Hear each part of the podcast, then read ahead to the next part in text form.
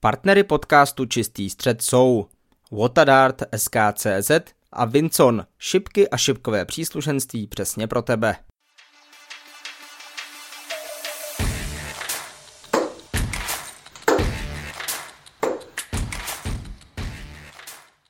Příjemný vánoční čas všem posluchačům podcastu Čistý střed. Vítáme vás na boží hod vánoční samozřejmě s Karlem Jirákem. Já tedy zdravím samozřejmě diváka Karla z Příbramy, který se konečně dočká svých NBA Christmas Games a my nebudeme muset během šipkových přenosů poslouchat jeho neustále telefonování na call centrum Nova Sportu. Karla je před námi schrnutí prvního a druhého kola mistrovství světa, tak přeji pěkné kuropění. Pěkné kudopění i tobě, Petře. Já tentokrát samozřejmě vám všem přeji na první svátek Vánoční jen to nejlepší. Doufám, že máte krásné Vánoce. Doufám, že jste všichni byli hodní, tudíž jste od Ježíška dostali například nějaký pěkný šipkový terč, nejlépe od značky Vincon, což je náš sponzor. A pakliže tomu tak nebylo, tak nevadí a doufám, že i tak prožíváte krásné Vánoce. Já bych chtěl říct, že zdravím dnes možná lehce, až bych se nebal toho výrazu mezinárodně, protože dnes nejsem ani v rodišti Boriše, Boriše, hm, Borise Krčmara, ani ve stověžaté matičce. Petře, doufám, že si všímáš mých slovních obratů, kterými samozřejmě se snažím poukázat na tvoji zemi galského kohouta. Nicméně zdravím ze své rodné Plzně a to mě přivádí k myšlence, přátelé, pakliže máme mezi sledujícími a mezi posluchači nějakého plzeňáka, napište mi na můj Instagram Karel Jirák a protože jsou Vánoce, zdarma ode mě obdržíte placku s logem podcastu Čistý střed. Čím jsem propálil jeden z našich největších highlightů a Petře, můžeme jít na to. Myslím si, že takový pozdní vánoční dárek úplně ideální. Pojďme na to, začneme u prvního kola a já bych asi nejraději začal u toho muže, na kterého se hodně diváků těšilo a to je Luke Littler, protože od něj se hodně očekávalo. Bylo to všechno takové zahalené tajemstvím, i vlastně Radek Schulz o tom mluvil, že se čeká, jak vlastně ten zápas dopadne. Ovšem 16-letá kometa vyhrála s průměrem přesahujícím 106 bodů. Je to nejvyšší průměr v historii prvních kol od té doby, co byl formát top 96. Jednoduše, co k jeho výkonu dodat, to bylo absolutně perfektní. No bylo to skvělé a my jsme samozřejmě v našem eh, předmistrovském preview, když to takhle neobratně řeknu, eh, řešili právě ten jeho zápas, jak to asi bude probíhat mezi tedy ním a Kristianem Kistem. Radek Schulz eh, byl toho názoru, že to Kist zvládne, já nikoliv a výsledek byl takový, že Littler mu povolil dva legy.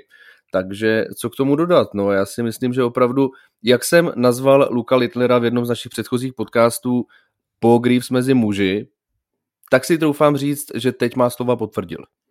A navíc, vzhledem k tomu, že vypadly i další favorité, z jeho části Pavouka může jít hodně daleko. V dalším kole porazil Andrewa Gildinga a teď ho čeká Matt Campbell, což eh, určitě není soupeř, na kterého se Luke Littler původně připravoval. Měl tam být původně James Wade. Nicméně Abych ještě zůstal u zápasu Luka Littlera, tak Christian Kiss nehrál vůbec špatně. Nizozemec předvedl průměr téměř kolem 96 bodů a to rozhodně by v ostatních zápasech stačilo minimálně na potrápení soupeře a ne na uhrání pouhých dvou legů. No to určitě, no, ale ono zase, jak říkají kolegové, když vás soupeř nepustí k dublům, tak eh, ten váš průměr nahoře bude přeci jen. Jo, a když hrál Luke Littler o nějakých 10 bodů víc, to znamená, že se přeci jen Christian až tak často na Dublin nedostával a neměl tedy šanci si svůj průměr kazit.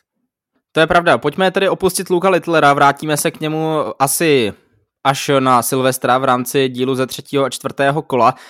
Dále bych se dostal k jednomu momentu, který pořádně zavařil Johnu McDonaldovi a to bylo utkání mezi Keeganem Brownem a Borisem Krčmarem. Na začátek utkání klasicky hráči nastupují tou uličkou, přišel Keegan Brown a vzhledem tomu, že John McDonald byl otočen směrem k němu zády, tak si nevšiml, že tam je Keegan Brown a ohlásil, že bude nastupovat Boris Krčmar. A ten pohled tedy byl k nezaplacení, jak eh, samotného Kýgena, tak eh, potom i toho sekuritáka, který stal vedle něho. Jak ty si vůbec reagoval na to, když se ozvalo, ozvalo tohle a potom tedy John McDonald se to snažil byť marně zachránit tím, že vedle Kýgena Browna nastoupí tady správný Boris Krčmar. Já jsem to samozřejmě viděl, bylo to velmi úsměvné. Já mám rád tyhle ty momenty, samozřejmě my všichni máme rádi, když se děje něco takhle neobvyklého. E, nicméně, no tak co k tomu říct, no, prostě John McDonald to pokazil A mě právě napadlo, že možná ten důvod mohl být takový, že Boris Krčmar a Keegan Brown mají stejné iniciály, akorát v opačném gardu. Takže možná i z tohoto důvodu mohlo dojít k nějakému právě takovému pochybení ze strany Johna McDonalda. Eh, co bych tomu ještě řekl? No, eh, jak jsem Johna McDonalda několikrát kritizoval, eh, jak se neupřímně směje, například když nastoupí Rob Cross, tak tentokrát se John McDonald opravdu nesmál a to za ním přišel uh, Keegan Brown a v podstatě mu řekl něco v tom smyslu, je hele, to byla sranda, ty jsi to trošku jako podělal, viď? A John McDonald tam stál se zaťatými zuby a, a už se neusmíval, no, tak uh, nevím, eh, mě ještě zaujalo to, že v podstatě Johnu McDonaldovi došel hlas hned první večer, když, uh, když vlastně ohlašoval nástup Michaela Smise, tak to vypadalo, že tu jeho zdravici ani jako nedořve, což mě zaujalo teda. To no, může to být možná předzvěst toho, že John McDonald to společně s Rasem Bryan taky v brzo pověsí na hřebík, tak taky už není nejmladší, to je pravda. Ale když si u Michaela Smitha, tak eh, já bych u něj klidně zůstal, protože to je další věc, která určitě stojí za zmínku v rámci prvního a druhého kola s Alexandra Pellis. Michael Smith se musel hodně snažit, aby porazil Kevina Duce, protože ten předvedl nejprve výborný výkon proti Stovu Bancovi, což eh, byl pro mnohé fanoušky velké, což bylo pro mnohé fanoušky velké překvapení, že Stove Bans nenavázal na svůj úspěch z Grand Slamu, ale mladý nizozemec potom pořádně zatopil i světové jedničce, protože Michael Smith musel obracet z 1-2 na sety a zároveň musel předvést průměr přes 100 bodů na tři šipky, takže tvrdý vstup do turnaje pro světovou jedničku.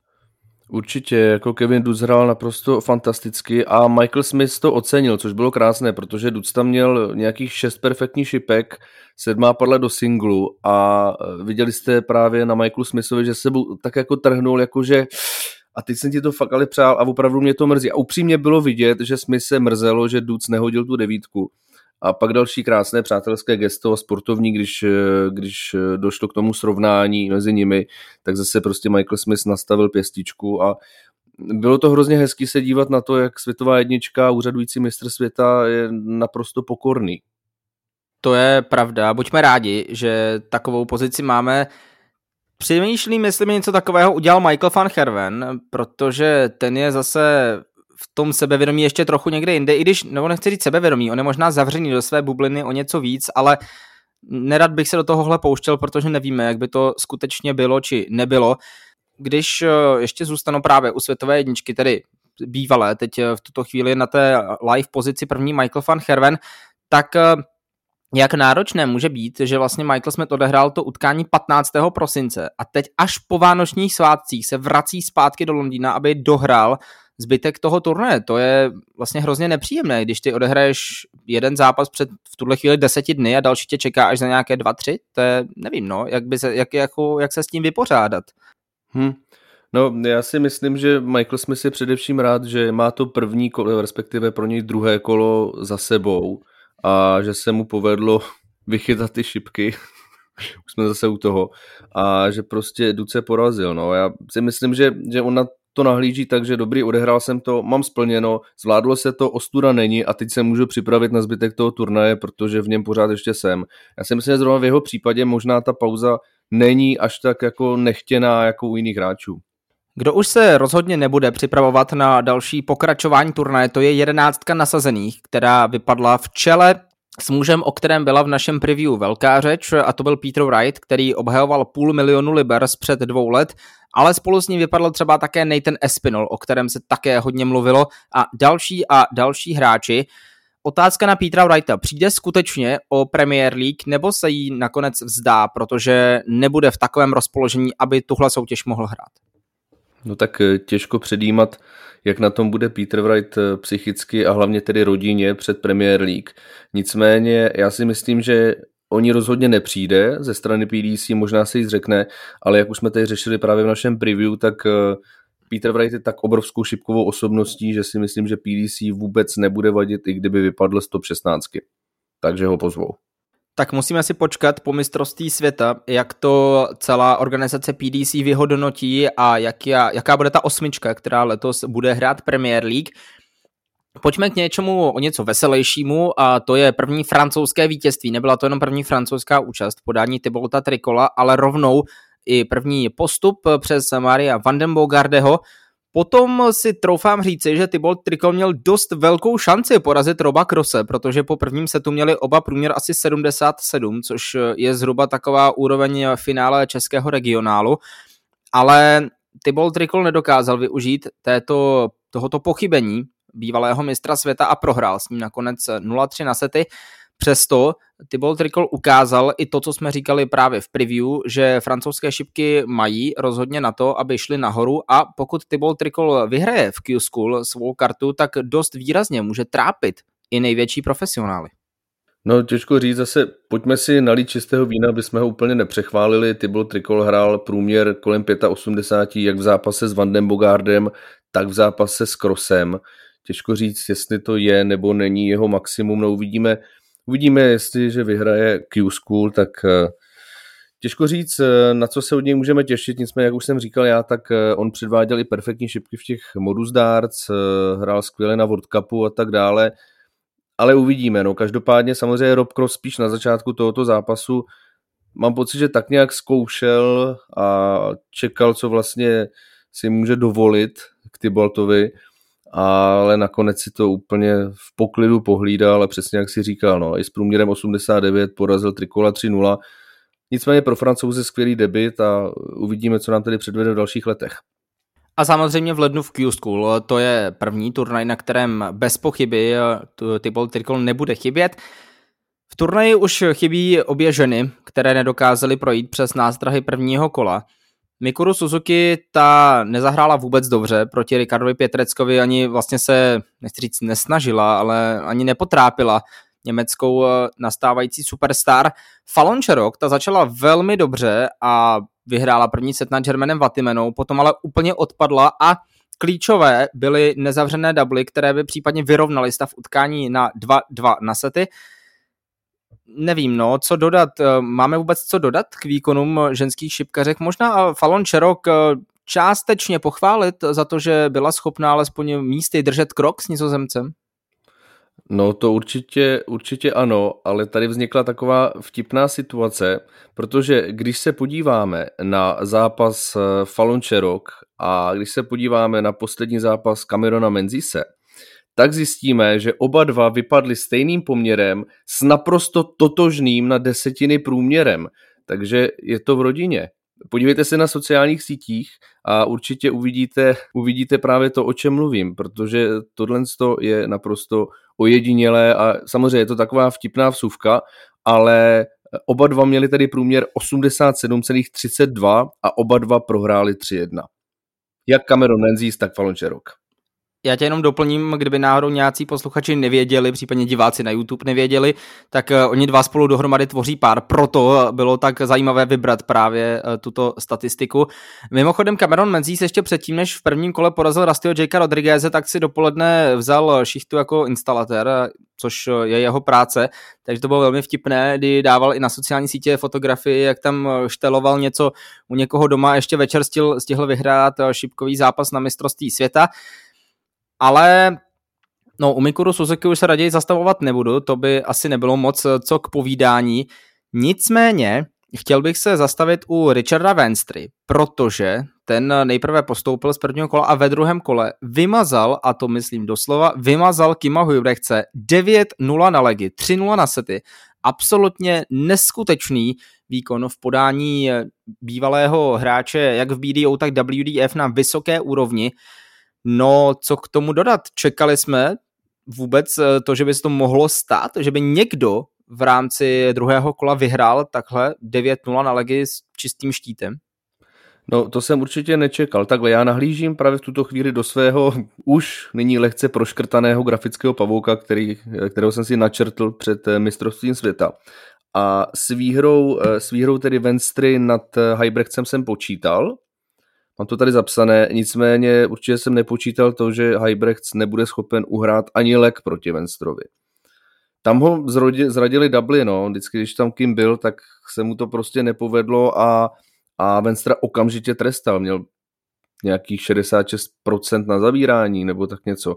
Takže proti tomu se opravdu hraje těžko, pakliže máte v úmyslu dělat nějaké chyby na zavírání.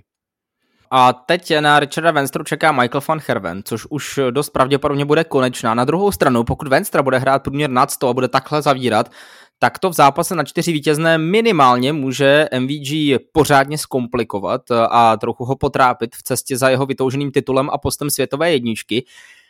Ještě možná jedno z posledních jmen, které zmíním za sebe, tak je Florian Hempel, protože to je hráč, který držel no, jeho kariéra v PDC, alespoň ta částečná, vysela možná ani ne na vlásku, ale možná tak na čtvrtině vlásku v momentě, kdy prohrával s Dimitri Vanderbergem ve druhém kole 0-2 na sety a 1-2 na legy. Navíc měl Dimitri 127 na terči, Florian Hempel 251 a přesto světe div se, Florian Hempel tohle utkání vyhrál.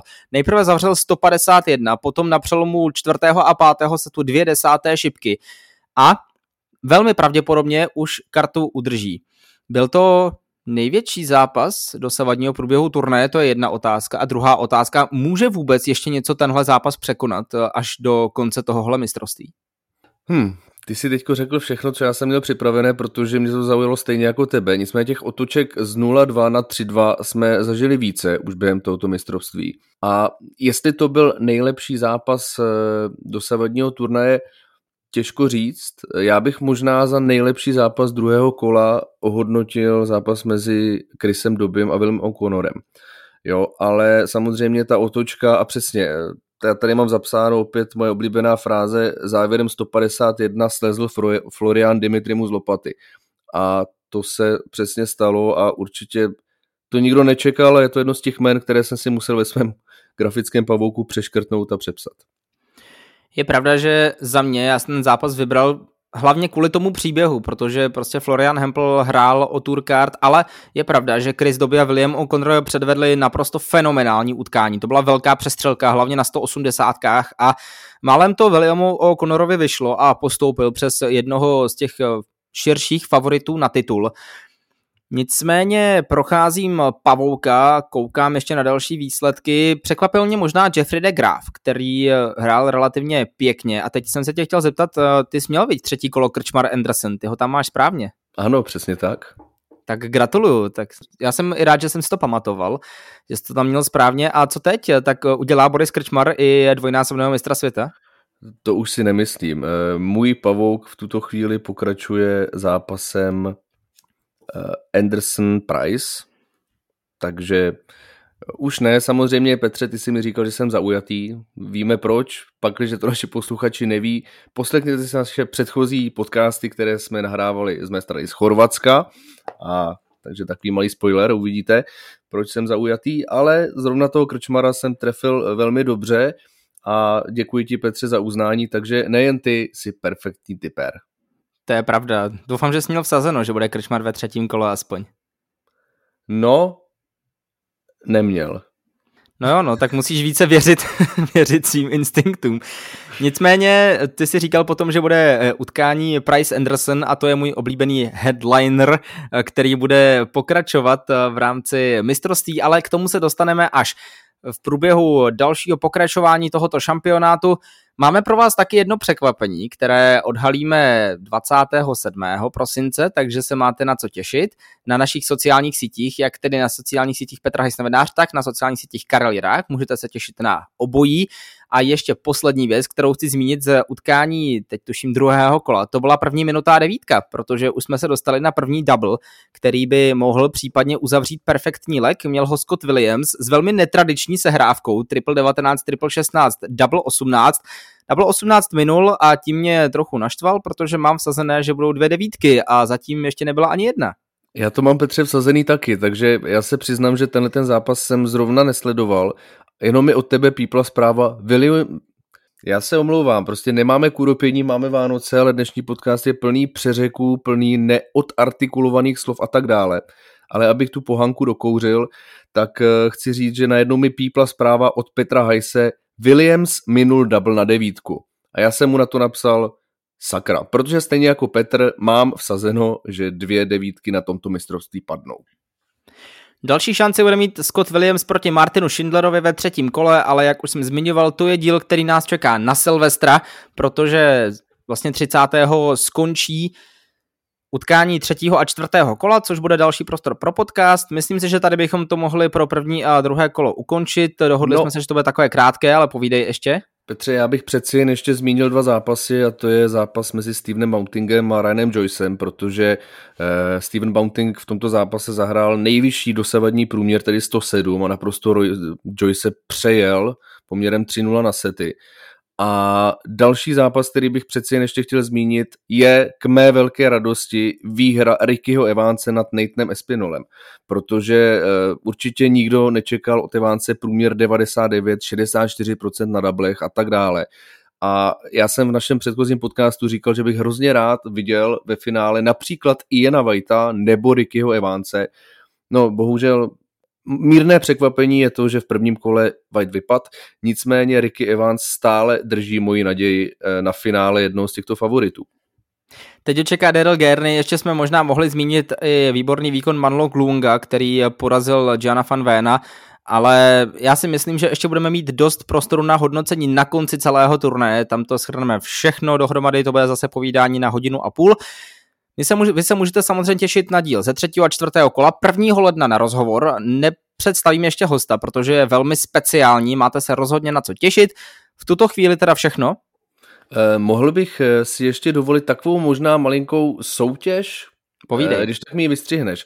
Já právě z toho důvodu, že jsem nechal vyrobit ty placky s logem Čistý střed, tak mě napadlo, vážení přátelé, pakliže jste opravdu od Ježíška dostali nějaké šipkové náčiní od značky Vinson, vyfoďte ji označte ji na Instagramu, nás taky a já vám pošlu placku. A pakliže jste dostali vybavení od jiné značky než od Vinsonu, no, tak ji vyfoďte taky, označte nás a dostanete placku. A pakliže, vážení přátelé, jste nedostali nic a jenom rádi posloucháte náš podcast během Vánočních svátků, tak to vyfoďte a označte nás a dostanete placku.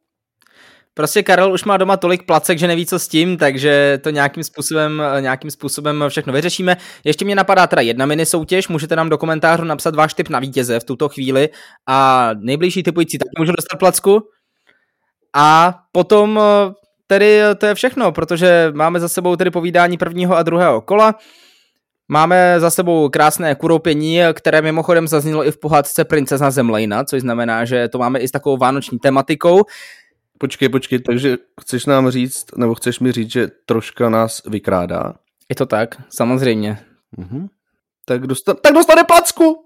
Přesně tak, všichni dostanou placku a bude to naprosto krásný, nicméně v tuhle chvíli už to pojďme tedy ukončit. Mějte se krásně a z podcastu třetího a čtvrtého kola zase naslyšenou. Všem i Zdeňkovi Troškovi pěkné kuropění.